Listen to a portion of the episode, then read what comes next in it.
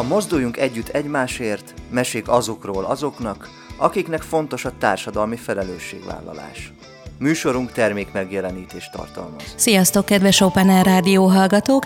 Itt vagyunk ismét, hiszen kedv van, és ilyenkor 4-től 5-ig a Mozduljunk Együtt Egymásért műsorunkat hallhatjátok, mesék azokról és azoknak, akiknek fontos a társadalmi felelősségvállalás.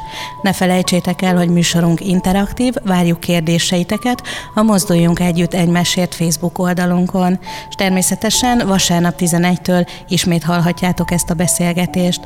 No, Hát akkor vágjunk is bele. Mai sok szeretettel köszöntöm műsorvezető társamat Álos Mariannát, illetve a technikus kollégánkat Cserkuti Pétert, és természetesen nagy szeretettel köszöntjük Balog Leventét itt a stúdióban, a Szentkirályi Ásványvíz Kft. tulajdonos elnökét. Köszönjük szépen, hogy ma elfogadta a meghívásunkat, Köszönöm és itt van velünk. Nagyon-nagyon sok szeretettel köszöntök én is mindenkit a stúdióban. Nagyon izgalmas beszélgetésnek nézünk elébe. Megmondom nagyon őszintén, hogy amikor ide tartottam a stúdióban, eh, elképzeltem Leventét, hogy milyen eh, üzletemberrel fogunk itt találkozni.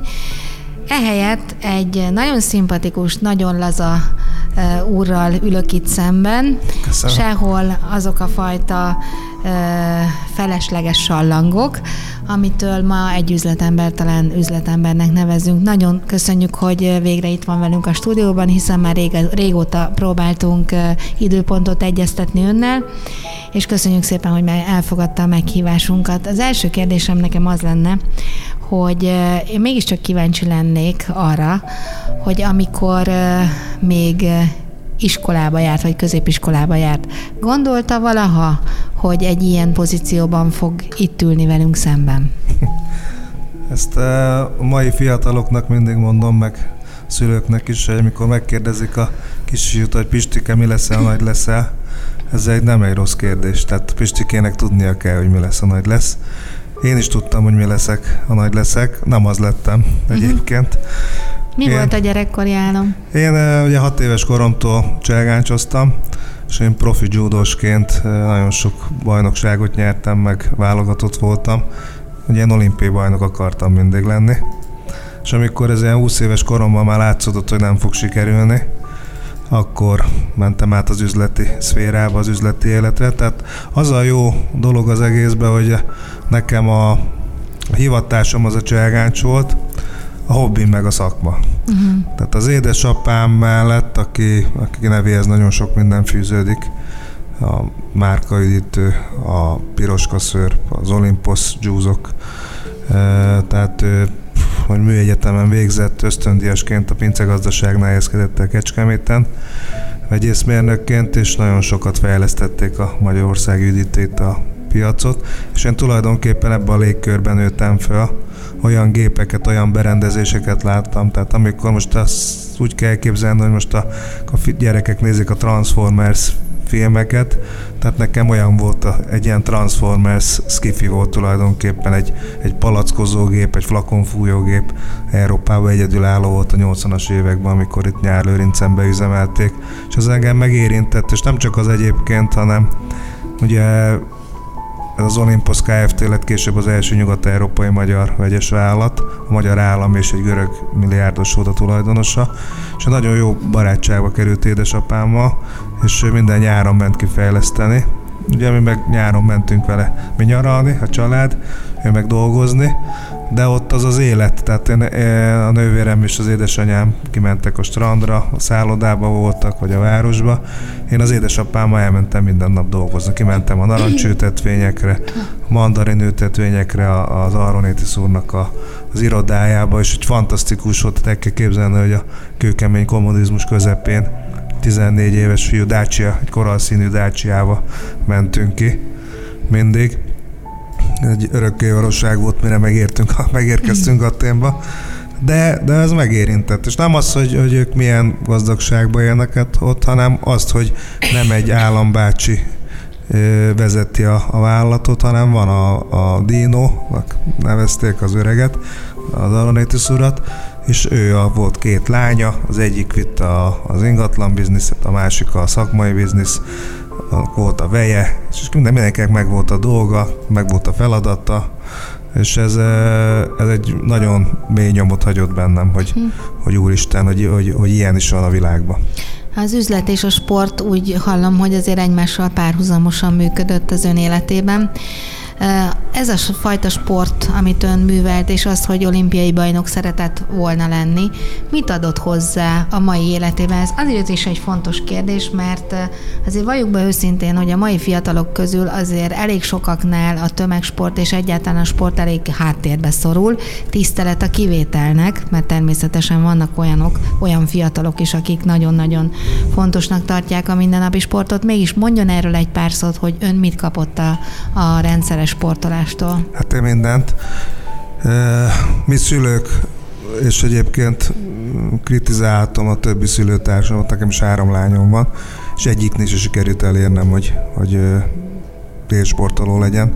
Hát a pici az még 13 éves, atlétikázni jár, meg most egyébként ezt a végbordot, ez nagyon szeret és szorgalmasan csinálja is, de, de a sport az nagyon fontos. Tehát főleg a mai világban az összetartozás, a kitartás, a teljesítménynevelés, tehát a sport, és, és az a probléma, hogy, hogy kicsikorban nem figyelünk oda. Szokták tőlem kérdezni, hogy mikor kezd írassa be a gyerekét például cselgáncsozni. Igen, be kell iratni 5-6 éves korában. Azért kell beiratni, mert engem beirattak, én 5 éves koromban birkozni irattak be egyébként, aztán Kecskemétre megérkezett a judo, és akkor 6 éves koromban átmentem a, a judóra.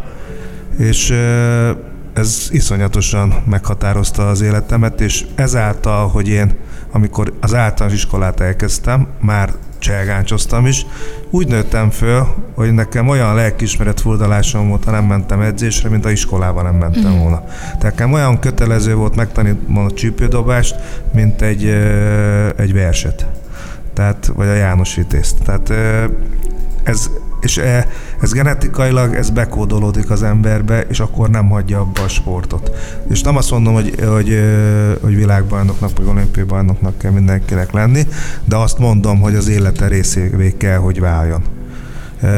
Mert ugye hatalmas probléma ez a telefon, és ugye én is látom mm. a gyerekeimnél, sőt magamon is, van négy gyerek, elmegyünk nyaralni, és az asztalnál tolják ezt a telefon, sőt, még egymással is úgy beszélgetnek szerintem, uh-huh. a telefonon keresztül. Ami nem, ami nem egy nagy baj, mert, mert ez a világ ezen felé megy, de a sport az kimozdítja ebből, és a sport egy lehetőség arra, hogy a normális életbe is éljen egy kicsit, legyenek barátai. Például látom azokon a gyerekeken, akik, akik nem sportközösségben nőnek föl, hogy egyedül vannak. És ez például a két nagy lányomra van bőven igaz. Uh-huh.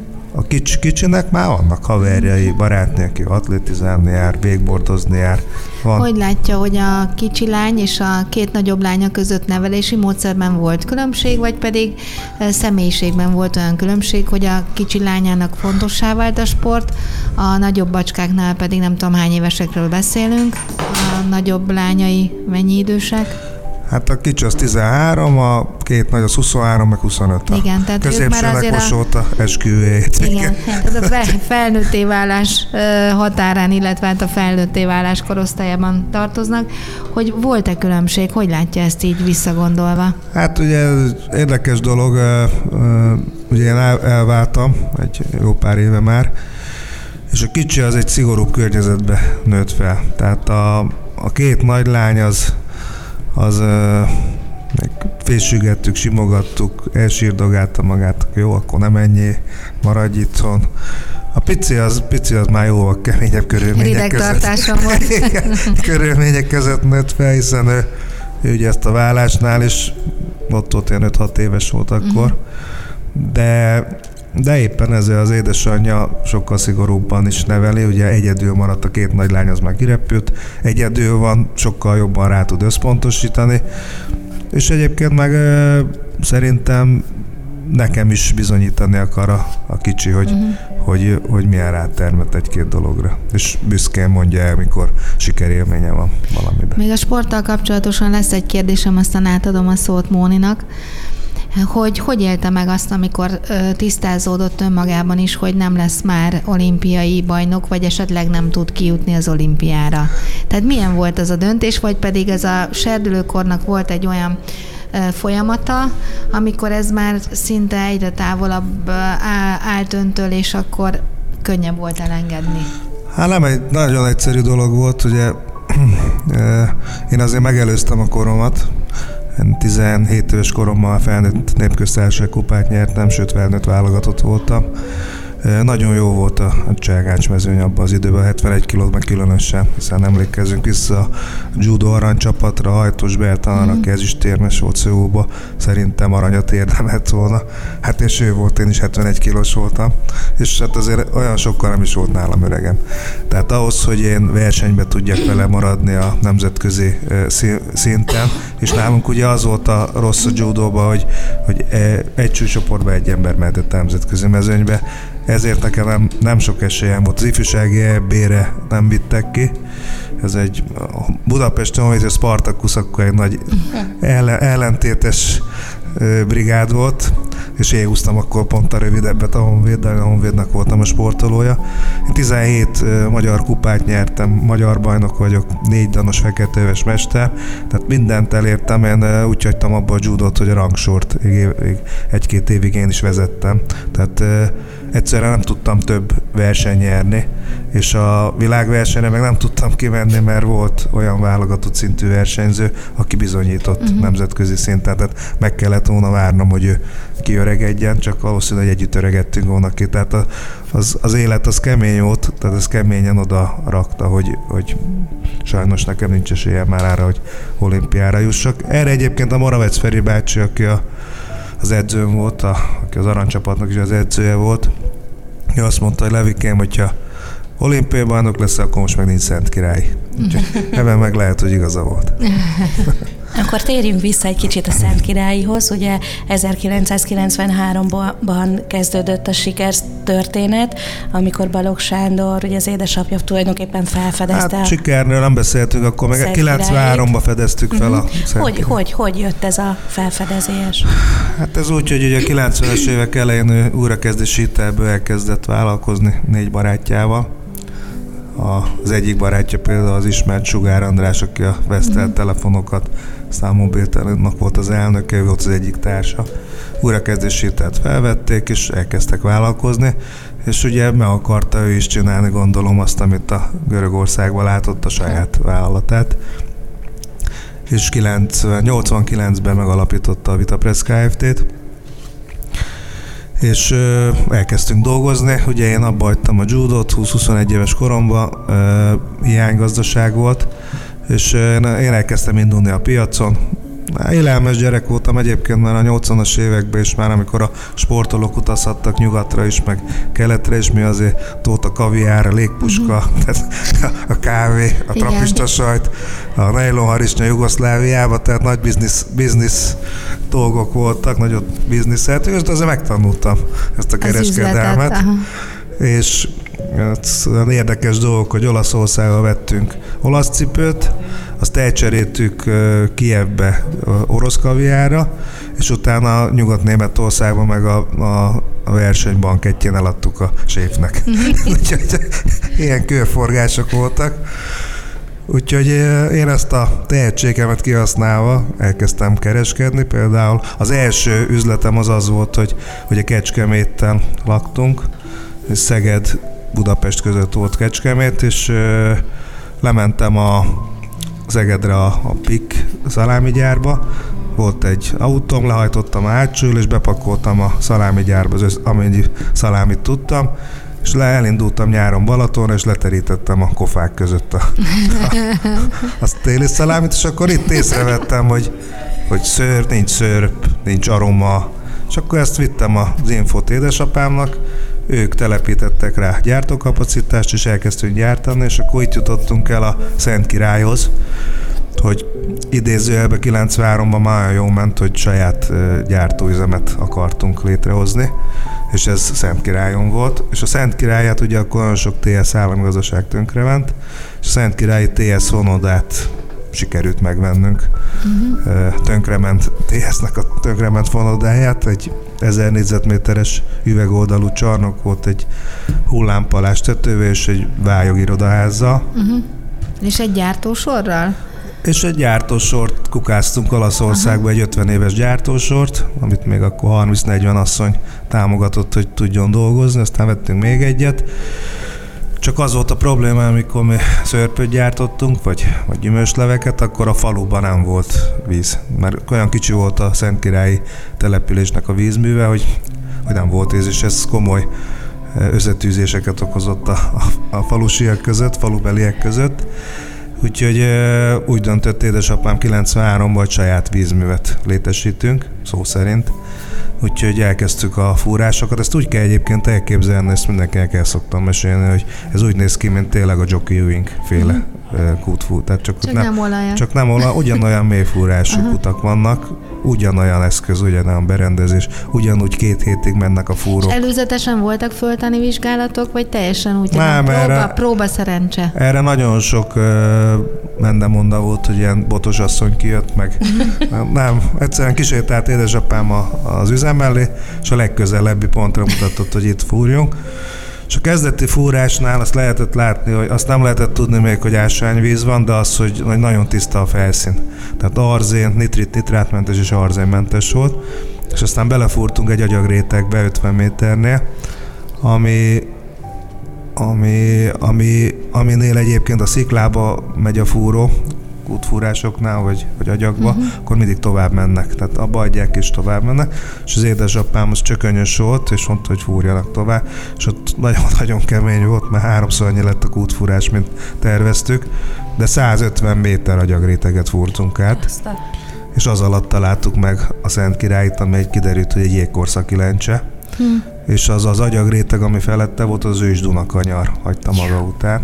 És ez tulajdonképpen dugószerűen védés. Mikor azt, hiszi, azt mondja valaki, és a vízmű hasonlítgatja össze a vizeket a, az ásványvizekkel, a természetes ásvány nem vízkémia, az biológia, meg mikrobiológia is. Tehát egy olyan mikroklímában van lent a, a Szent Király ásványvíz, hogy 18 Celsius fok télen-nyáron, 0% a baktérium tartalma, mm. nitrát, nitrit és arzén ezrelékmentes. Tehát... Akkor egy gyémánt bányára bukkantak? Hát ez egy, azt kell elképzelni, és apám mondta mindig, hogy az utolsó olyan csomagolt élelmiszer, ami ősi természeténél fogva jut vissza az ember szervezetébe, mindenféle adalékanyag, tartósítószer hozzáadásai, színezék hozzáadása nélkül. Uh-huh. Emlékszik arra a pillanatra, amikor ez megtörtént, ez a felfedezés? Emlékszem, és nem az ásványvíznek örültem, hanem annak, hogy végre van vízünk szépen gyártani. Hiszen akkor még egy segéd, segédanyag volt, hogy úgy mondjam. Hát aztán elkezdtünk ott okoskodni, hogy mi legyen a neve. Jöttek az okos marketingesek, és aztán így lettem én marketinges, mert láttam, hogy már akkor se jó, amit mondanak. Úgyhogy volt Gémes Kft., Kerekes Kft., volt minden. És akkor mondtam édesapámnak, hát apuci, hát itt vagyunk Szent Királyon, hát mi lenne a neve? Ja. Uh-huh. Szent Király. És aztán 2003-ban megalakult a Szent Királyi Kft., és rá egy évvel már a siker tényleg ott volt a kapuba, hiszen az egyik szénsav, illetve a szénsavmentes víz egy nagyon híres versenyen első helyezést, világbajnoki helyezést ért el. Igen. Hát ugye 2000-es évekig nagyon repültünk, szárnyaltunk a piacon, de aztán jött a krak, először megjelentek a multi, multi gyártók, azok kezdtek el minket ütni, hát ugye jó technológiájuk volt. Azt, azt vitatom, hogy jobb volt a termékük, de a technológiájuk jó volt, gyönyörű csomagolóanyagaik voltak, és iszonyatos sok pénzük volt reklámozni. Tehát ott már kaptunk egy veszőfutást. Azt meg átvészeltük úgy, hogy hogy kialakult az, hogy a, a prémium brandek, a, a multi brandek lettek a prémium kategória, és a kis magyar gyártók meg olcsó, tehát az árral tudtak versenyezni, tehát sokkal olcsóbbak tudtak lenni mint a, a multik, ezért piacon tudtunk maradni, csak aztán jött a második csapás, megjöttek a multi kereskedők, akik aztán kitalálták a private label-t, és a private label meg becsúsztak a magyar gyártók középre. Uh-huh. Tehát megjött a private label a legolcsóbba, a drágába, a nagy reklámmal a multik, mi meg középen ott elkezdtünk vegetálni, és elkezdtünk le, le az a bizonyos görbe, amit retteg egy vállalkozó, az tud görbe, az, az elkezdett lefelé menni. És ez akkor, meddig tartott ez az időszak? Ez 2003, 2003-ig, és akkor mondtam édesapámnak, hogy van most már négy-öt cégünk, több vállalkozásunk, 300 termékünk. Én láttam, hogy ezt nem lehet így föntartani.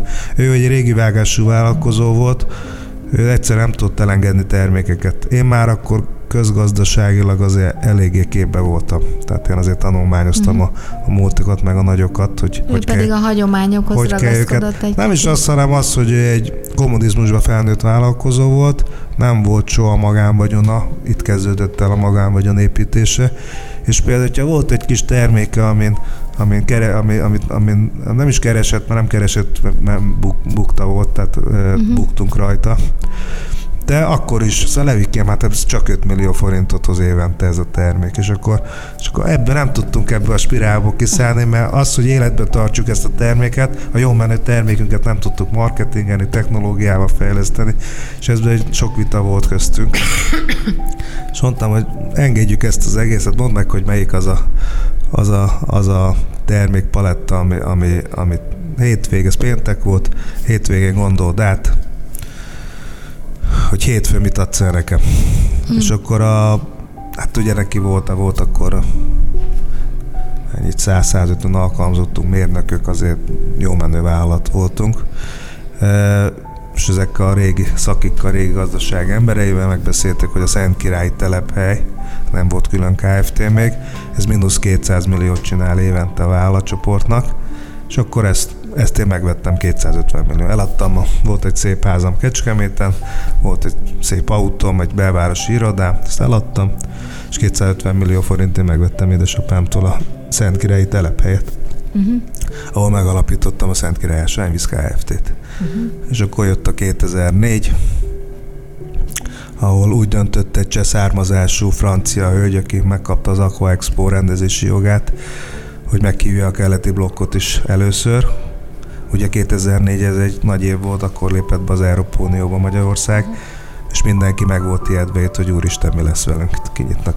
Nem, nem attól ijedtünk meg, hogy ez kicsit olyan, mikor a, az, akkor, bő, amikor e, rabságba él egy delfin, élet születése óta, és, kinyit, és kinyitják a ketrec ajtót, akkor se úszik ki rajta. Uh-huh. Hát egy kicsit ilyen érzése volt a magyar embereknek, és akkor jött ez a, ez a fantasztikus magyar siker, ez a cseh hogy megálmodta, hogy meghívja a keleti blokkot, de nem miattunk egyébként, hanem a Csehország miatt.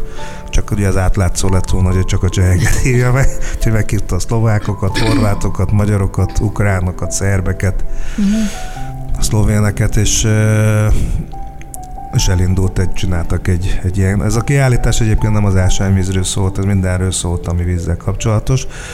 Csak ez a hölgy az olyan jó megszervezte az egészet, hogy akkor abba az évben, 2004-ben és soha többet utána először is utoljára a világ palackozott vízgyártónak a 75%-a ott volt. Jó.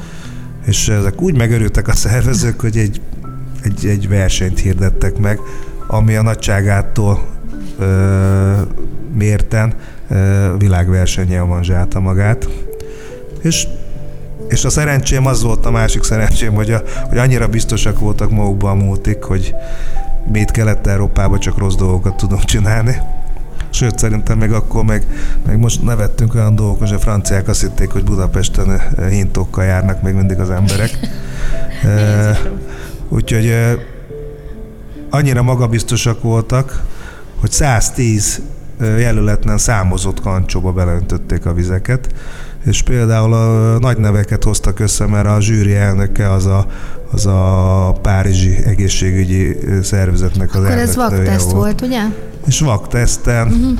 Lehet, hogy az édesapám által sokat emlegetett apáca nagynéni segített Juliska néni. mert mindig, a, még, mert mindig, amikor jó történt velünk, akkor a Juliska néni segített. Föntről. Igen. Mm.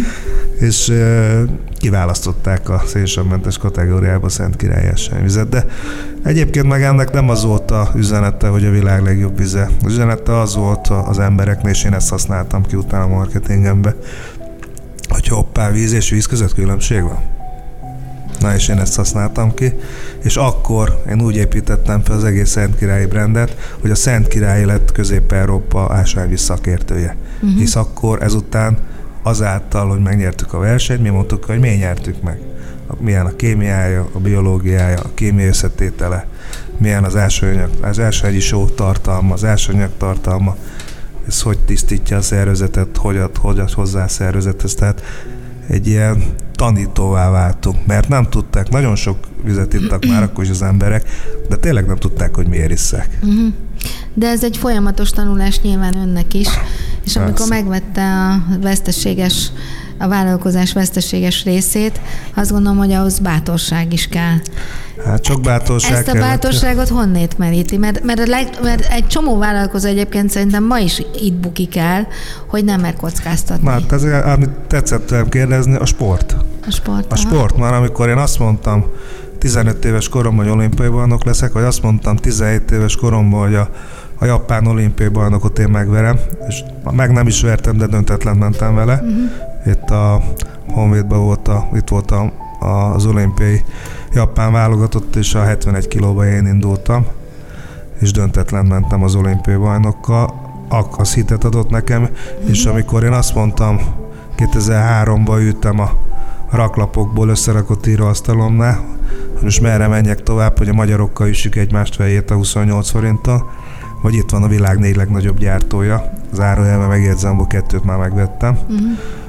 vagy, vagy neki megyek az ő piacuknak, és, és fölépítem a brandet. A szerencsém az volt, hogy ezek üdítőitalos, tehát nem ásványvizes cégek voltak, hanem üdítőitalos, vagy ö,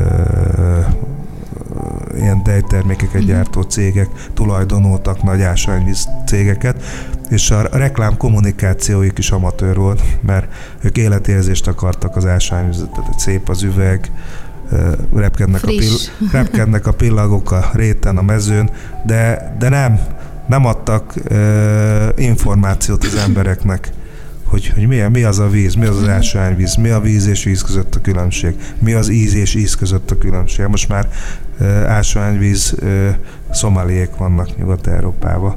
Mondjuk nem tudom miért ott vannak, mikor ott van a legkevesebb ásványvíz, de vannak. Mhm.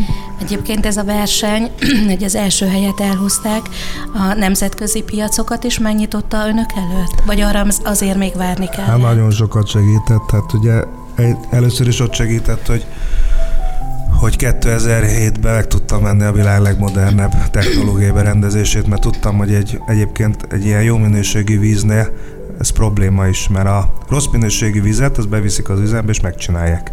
A jó minőségi vizet nem szabad hozzányúlni, ez egy-két évig ennek ilyen kristálytisztának kell maradni. Annak meg olyan technológiák kell, például a mi esetünkben nem, hogy emberi kéz nem érinti, hanem ember által ki és beérzett levegővel se találkozik. Tehát a flakon kemencéjétől a címkén, ahogy kijön a gép. Ez a, ez a Hát ez onnantól erre mindig nagyon odafigyel, ezt még az édesapámtól tanultam. Orvosi kóracécső van a, a kútba, ez följön, orvosi kóracécső megy be a, a vízfogadó állomásra, végig orvosi kóracél túlnyomásos terjedtérbe történik a víz beáramlása, és a gépsorunk is olyan, hogy uh-huh.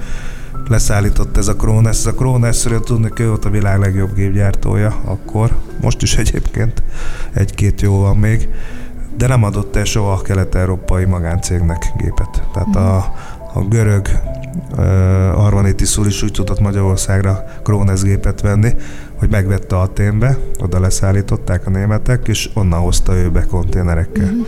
Járlőrincre. Én voltam az első, és például ezt ennek a díjnak köszönhetem, hogy ő szóba állt velem.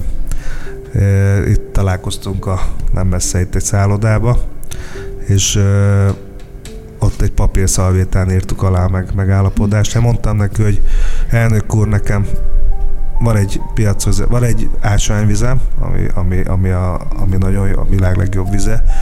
E, piacvezető leszek két éven belül Magyarországon, öt éven belül Közép-Európába.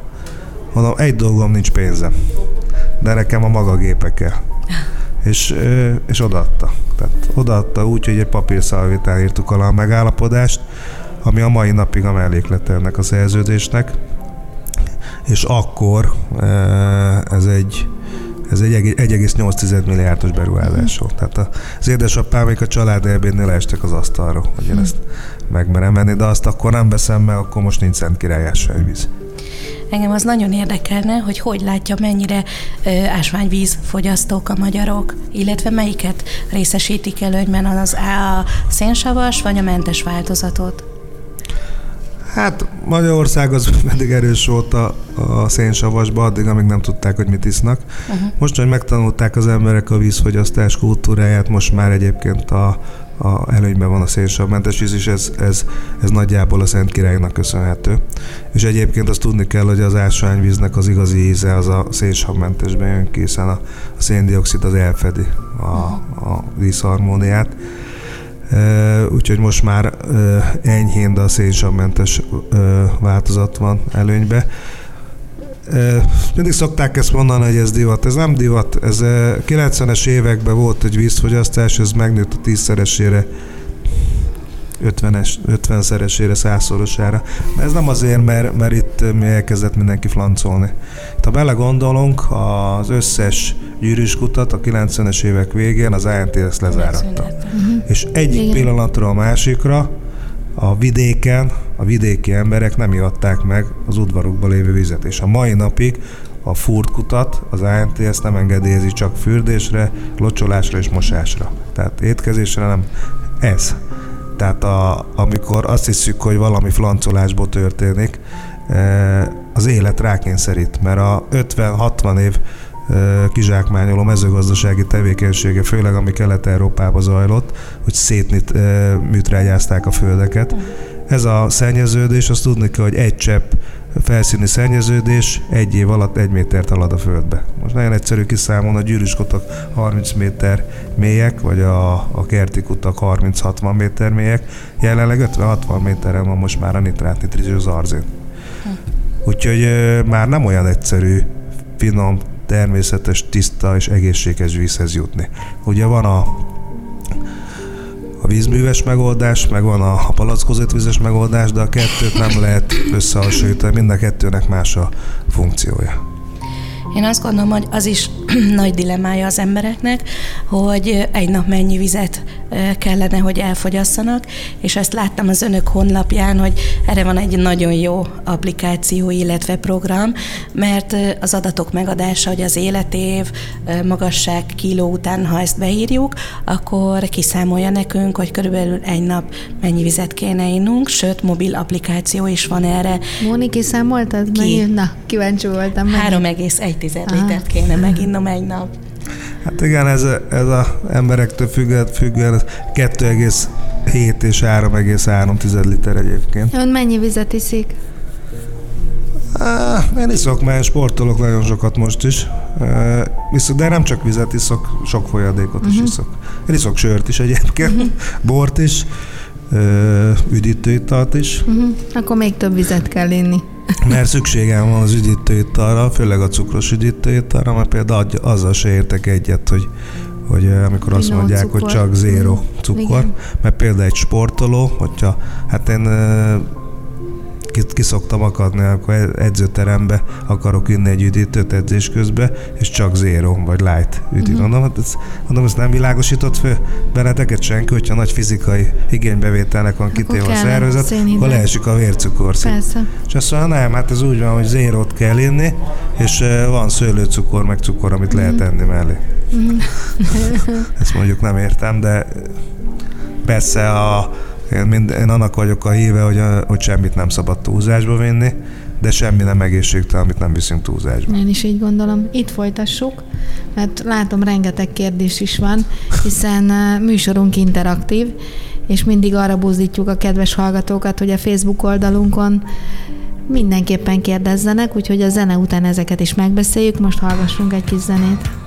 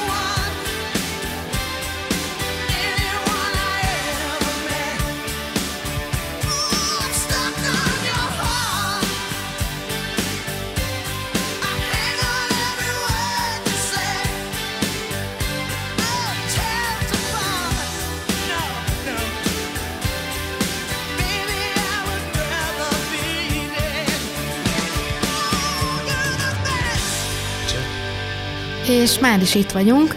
Reméljük, hogy minden többen hallgattok minket, kedves hallgatók, hiszen a mai vendégünk tényleg egy nagyon érdekveszítő témáról mesél nekünk, és azt gondolom, hogy az ő egyénisége és az életútja is olyan, hogy nagyon-nagyon sok érdeklődésre kelt okot én csak így ámultan és bámulva hallgattam ezt az egész beszélgetést, de beszéltünk a zene előtt, hogy ez a műsor interaktív, és nagyon sok kérdés jött, ami teljesen felvillanyoz, mert azt jelenti, hogy hallgattok minket. Móni, tiéd a szó. Már is a kérdéseket sorolhatod Köszönöm is. szépen. Már is mondom, az első kérdés, üdvözlöm. Levente, melyik elismerésre, díjra a legbüszkébb, és miért? Mindegyikre büszke vagyok, de ahogy mondtam, nem, nem arra vagyok büszke, hogy, hogy a víz nyer díjat, hanem arra, hogy, hogy kategorizálja a vizet. Tehát kialakult egy olyan szokás, egy olyan trend, ami kategóriákba sorolja a termékeket. És ez nem csak a vizeknél van egyébként, és most már nincsenek is ilyen versenyek, hanem minősítő intézetek vannak. Mindegyikre egyaránt az vagyok a, a legjobban a, a Szent Király sikerére, ami, ami, aminek egyébként az, hogy jól csináltuk, vagy jól csináltam, vagy jól csináltuk a dolgunkat, az a, ezek a díjak visszaigazolások, de, de ma már erre nem, nem helyezünk hangsúlyt egyébként. Tehát most már évek óta nem, nincs, nincsenek is egyébként díjak, mert most már akkor a cégek vannak, meg olyan jó piaci szereplők vannak, hogy ezek már nem is nagyon akarnak egymással versenyezni, hanem együtt akarnak jó dolgokat létrehozni. Következő kérdezőn, kedves Levente, gratulálok a sikerekhez. Kérdésem, hogyan volt jelen a Szent Királyi Víz az Oscar gálán? Hogyan választották ki önöket? Köszönettel. Sok nem, nem főbeszállítók voltunk, szponzoráltunk. Egy időben voltak ilyen, pontogattam a szárnyaimat tengeren túlon, Ugye a Nobu étteremben voltunk, a Robert De Niro éttermében. Hát ezt mind-mind honfitársainknak köszönhetjük. Külföldön élő magyarok, amikor meghallották, hogy milyen, sikerei, milyen sikert ért el a Szent Király, nagyon büszkék voltak.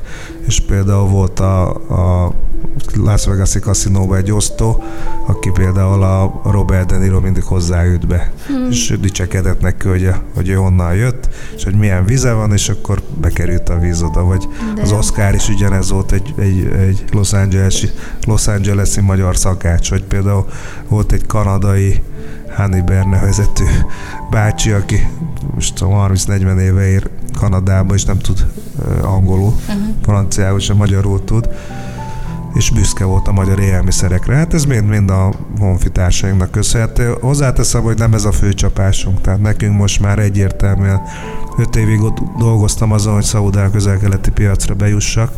650 áruházóban is voltunk, csak aztán nem tudtunk, soha nem tudtunk eleget gyártani a, a közép-európai piacra, és akkor két, hát három éve leállítottuk, úgyhogy abba is hagytuk, úgyhogy feladtam. Úgyhogy Közép-Európát látjuk el, próbáljuk ellátni megfelelő mennyiségű ásványvízzel. Következő kérdezőn, kedves Levente, melyik jótékonysági kedv, ö, kezdeményezésükre a legbüszkébb, illetve a környezetvédelemben milyen szempontok vezérlik a Szent Királyit? Most az első kérdésre uh-huh. utalva azért meg is kérdezném, hogy tudom azt, hogy mennyi jótékony célú megkeresésük lehet, és nagyon sok jótékonysági kezdeményezésük is van hogy hogy döntik el, hogy kinek segítenek, vagy mennyire tartják ezt fontosnak a cég életében? Hát nagyon sokan kerestek meg, és most kérek ezúton is elnézést azoknak, akik nem tudunk válaszolni, meg nem válaszolunk. Ez nem azért tesszük, mert nem érdekel a sorsuk, hanem egyszerűen tényleg annyi megkeresés jön, hogy hogy nem tudnánk elsőre egyáltalán fölégetni a tőkénket de próbálunk minél többet. Tehát az én uh, filozófiám az mindig az volt, hogy én mindig a, a, a gyerekeknek segítettem leginkább. Tehát a gyerekmentő szolgálat, a fiatal sportolók. Tehát én úgy vagyok vele, hogy a, a felnőtt ember az, hogy jó ember vagy rossz ember, az már kialakult, az nem lehet mit csinálni. Tehát segítek, nem segítek, az vagy rossz ember, vagy jó ember. De egy gyerek az mindig jó ember. Tehát egy gyerek az alapból jó. És, és soha nem tehet róla, hogy hova és, születik. És az, hogyha segítünk neki, és megpróbáljuk úgy megoldani az életét, hogy jó emberré válhasson, akkor lehet, hogy egy jobb világot fogunk teremteni. És ezért a, a mi kezdeményezésünk, vagy a mi segít, segítségünk, a segíteni akarásunk az elsősorban a gyerekekre irányul. Tehát például sport egyesületeknél is most már határozottan elzárkózok a felnőtt ligáktól, meg a bajnokságoktól. Engem nem érdekel, hogy kirakják a Szent Királyt, vagy nem rakják, hogy a mezen van, vagy nincs. Az érdekel, hogy az a több száz gyerek, aki például egy nagy klubnál sportol, annak legyen focicipője, legyen szép meze, amire büszkén kiállhat, és amire büszke lesz, és amivel ő azt fogja érezni, hogy ő kapott valamit valakitől, és ezt majd egyszer, mikor lesz, meg kell hálálnia. Uh-huh és jó emberé Helyes. A kérdés második fele, hogy a környezetvédelemben milyen szempontok vezérlik a Szent Királyi? Hát nagyon fontos, nagyon sok támadást kapunk a PET palac miatt. Mondok egy nagyon érdekes dolgot, a PET palack a világ legkörnyezetbarátabb csomagolóanyaga akkor, ha megfelelően sáfárkodunk vele. Hát és pedig? Hát és pedig a PET palackot, hogyha én már 2007-ben olyan fröccsöntőgépet vettem, ami 100% újra hasznosított petet mm. tud gyártani 9 10 és azt képzeljék el, hogy 2007 óta egy zsákot nem tudtam venni. Mm. Tehát ez Nyugat-Európában, ezt mindenki az hiszi, hogy ez egy akkora nagy dolog, és, ez, és a, a, a PET kibocsátókat kell szidni. Nem azokat kell szidni, a szemetelőket kell uh-huh. szidni. Szelektíven kell összegyűjteni, most már dolgozik mindenki azon. Kelet-Európának, Nyugat-Európa adott egy ultimátumot, hogy ezt meg kell oldani a két-három éven belül. Ugyanis ez Nyugat-Európában nem téma ott betétdíjassá tették a PET Persze, palackot. Hát mindannyian emlékszünk nem még téma. arra a korszakra, hogy vissza lehetett váltani a PET palackot is. Ne, nem téma. Brüsszelbe, Amsterdamba kinőttem, kávéztam, amit a volumenbüféknek hívják, ez a fél literes kiszereléseket bedomnak ott is a szemetesbe, nem szelektíven mivel betétdíjas, jönnek a hajléktalanok, kiszedik, uh-huh. összetapossák, viszik. Nincs, nincs PET, balack, szemét És azt nálunk miért nem tudják, hogy Kelet-Európában megoldani? Mi? E, nálunk, az a, az nálunk, nálunk mindig a legegyszerűbb, hogyha szídjuk a, a, a kiszítható. Uh-huh ahelyett, hogy megoldanánk, ezt meg lehet oldani. Uh-huh. Ez, egy, ez egy új mozdulat, egy új gyakorlat, erre megvan a megoldás, ezt tudják, hogy a bölcsőtől a bölcsőig, tehát a kibocsátó, jelen esetben a, a, a kólák, az üdítőitalok, a sörös cégek, az egész ipar egyébként összeállt, és ezen dolgozik a mai napon is. Meg tudjuk azt oldani, hogyha erre megkapjuk a felhatalmazást, az eszközöket, hogy az összes kibocsájtott PET anyagot, azt mi újra hasznosítjuk. Úgy, hogy egy darab nem lesz a környezetben. Uh-huh. És, és ha kimegy valaki, én 90-ben voltam először Amerikában, Amerikában már akkor megoldották. Bár ez akkor nem volt téma ott. Ez nem téma. Hmm. Betétdíjassá kell tenni, vissza kell gyűjteni, és a Szent Király ásványhoz örömmel örülnék neki, hogyha nem ö, szűzgyantát kéne venni, padgyantának hívják, a, uh-huh. amiben a PET flakon gyártjuk, mert a saját magunk gyártjuk a flakont is, és a nagy gyártók most már recipetből tudnának dolgozni, és, és boldogan dolgoznánk abból. Most egyébként most már a, azzal, hogy ebben a nagy holdingban benne van a cég, most már hozzá tudunk jutni európai eh, recipetekhez, sőt most már elvétve Magyarországon is van, úgyhogy nagyon sok termékünk eh, újrahasznosított már. Mm akkor remélem olyanok is meghallják ezt a pár mondatot, akik fontos döntéshozói ezeknek a kérdéseknek, és hajrá legyen így a jövőben, én nagyon örülnék neki.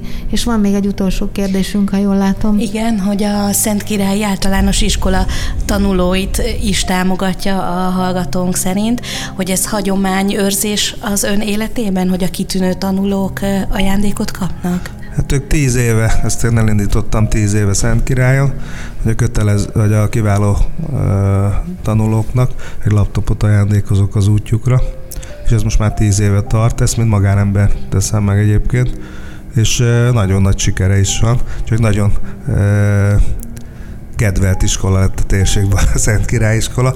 Már úgy iratják be elsőbe a gyerekeket, hogy még mindig van ez a laptop kezdeményezés, és ez egy, ez egy fantasztikus érzés, hogy minden napokban élő gyerekeknek ez tényleg egy mekkora segítség, és ez, ez egy jó példa másoknak is egyébként, hogy sokszor, sokszor egy kicsinek tűnő dolog mekkora örömet tud okozni, vagy segítséget tud okozni. Például annak a gyereknek, aki nyolcadikba kitűnő tanuló lesz, hogy a középiskolában egy saját laptoppal dolgozhat. Indulhat. Ugye most a, a vírusos idő mm, időszakban nagyon sokan dolgoztak otthonról, home office-ban, és nagyon tetszett az a, az ötlet, amivel a kollégáit segítette, amikor visszatértek az irodába dolgozni, hogy a környezetükre is figyeljenek, az utazásukra is figyeljenek, és hogy tíz bringát adott a kollégáinak. Ez honnan jött ez az ötlet? Hát, hát fantasztikus egyébként. Ez a cápákból jött egyébként, ugye ott volt egy ilyen biciklis vállalkozó, és én ezt e, ott jutott eszembe, hogy végig ez milyen jó jön a dolgozóknak, mert ő úgy hirdette ezt az egész bizniszt, hogy, hogy logózott cégeknek logózott kerékpárt biztosít. Ő reklám célra gondolt, uh-huh. de én már egy kicsit tovább gondoltam akkor a műsorba, és ott vásároltam tőle tíz, rendeltem tőle tíz rózsaszín, tehát tíz pink, meg tíz kék férfi biciklit, de nagyon klassz egyébként, holland típusú biciklik, igazi bőrkormánya, mm. nagyon Hogy kényelmes. És kihasználják a kollégák? De, abszolút, nagyon boldogok. A árigazgató hölgyre bíztam rá, ő, ő egy, egy-két hónapig lakat alatt őrizte őket. Dolgozott azon a papír munká, hogy hogy óvja meg a bicikliket hosszú távra, de most már remélem, hogy használják, ők is boldogan. Nagyon repül az időnk, nekem még van egy kérdésem, hogy eh, nagyon sok mindent csinál, eh, hallottuk azt, hogy sportol, tényleg gondolom, hogy egész embert kíván az, amit az üzletpolitikában is folytat, könyvet írt. Mégis megkérdezem, hogy milyen célok állnak még ön előtt? Tehát, hogyha mondjuk tíz év múlva saját magát nézni, akkor hol szeretné látni az egész brandet és saját önmagát? Hát a brandet már ott látom, ahol, ahol akartam látni. Magamat én, én ez mindig azt mondtam, hogy azért van egy országnak szüksége nagy vállalkozókra, meg, meg nagy vállalatokra, saját nagy vállalatokra, mert a társadalmi szerepvállalást ezt így költik el. És itt nem, nem csak a pénzre gondolok, hanem az erkölcsire is. Tehát azt gondoljunk bele, hogy amikor például én nőttem föl, akkor azt, én azt hittük mi, hogy csak a jogging le, lehet gazdag, és mm. csak Amerikában lehet valaki gazdag. Ma már azért egy gyereknek megvan adva, hogy hoppá, Balog Levente, vagy, vagy tud mondhatni, csak az reklám lenne, mondhatnék egy csomó más vállalkozót is most már, akikre fel, akik ide leraktak valamit az asztalra, és bebizonyítja azt például egy egyetemistának, hogy igen, érdemes egyetemre menni, érdemes főiskolára menni, mert ha elvégzed, akkor lehet belőled valaki. Vannak már olyan vállalatok, ahol egy nyugat-európa, amerikai szinten tudsz dolgozni, szép autót tud lenni, szép lakásod, és van erre lehetőség. Mert hogyha ezek az emberek nem lennének, és nem lesznek véletlenül, akkor az nagy baj lesz.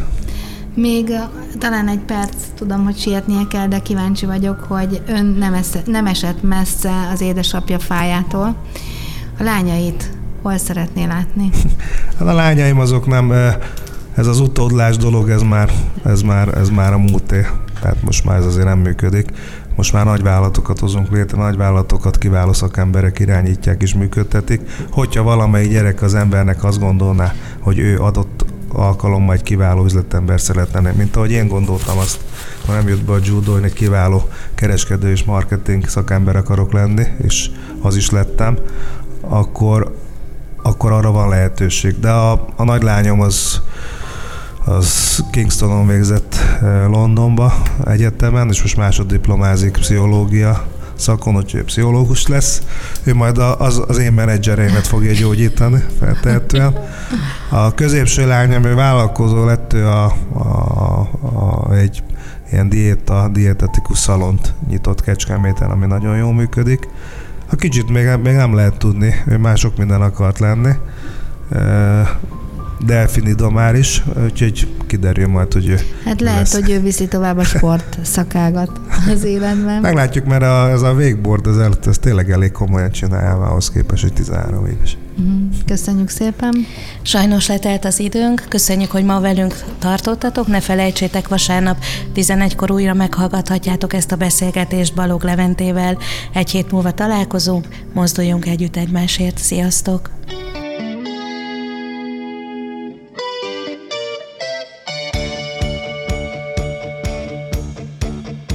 A Mozduljunk Együtt Egymásért mesék azokról azoknak, akiknek fontos a társadalmi felelősségvállalás.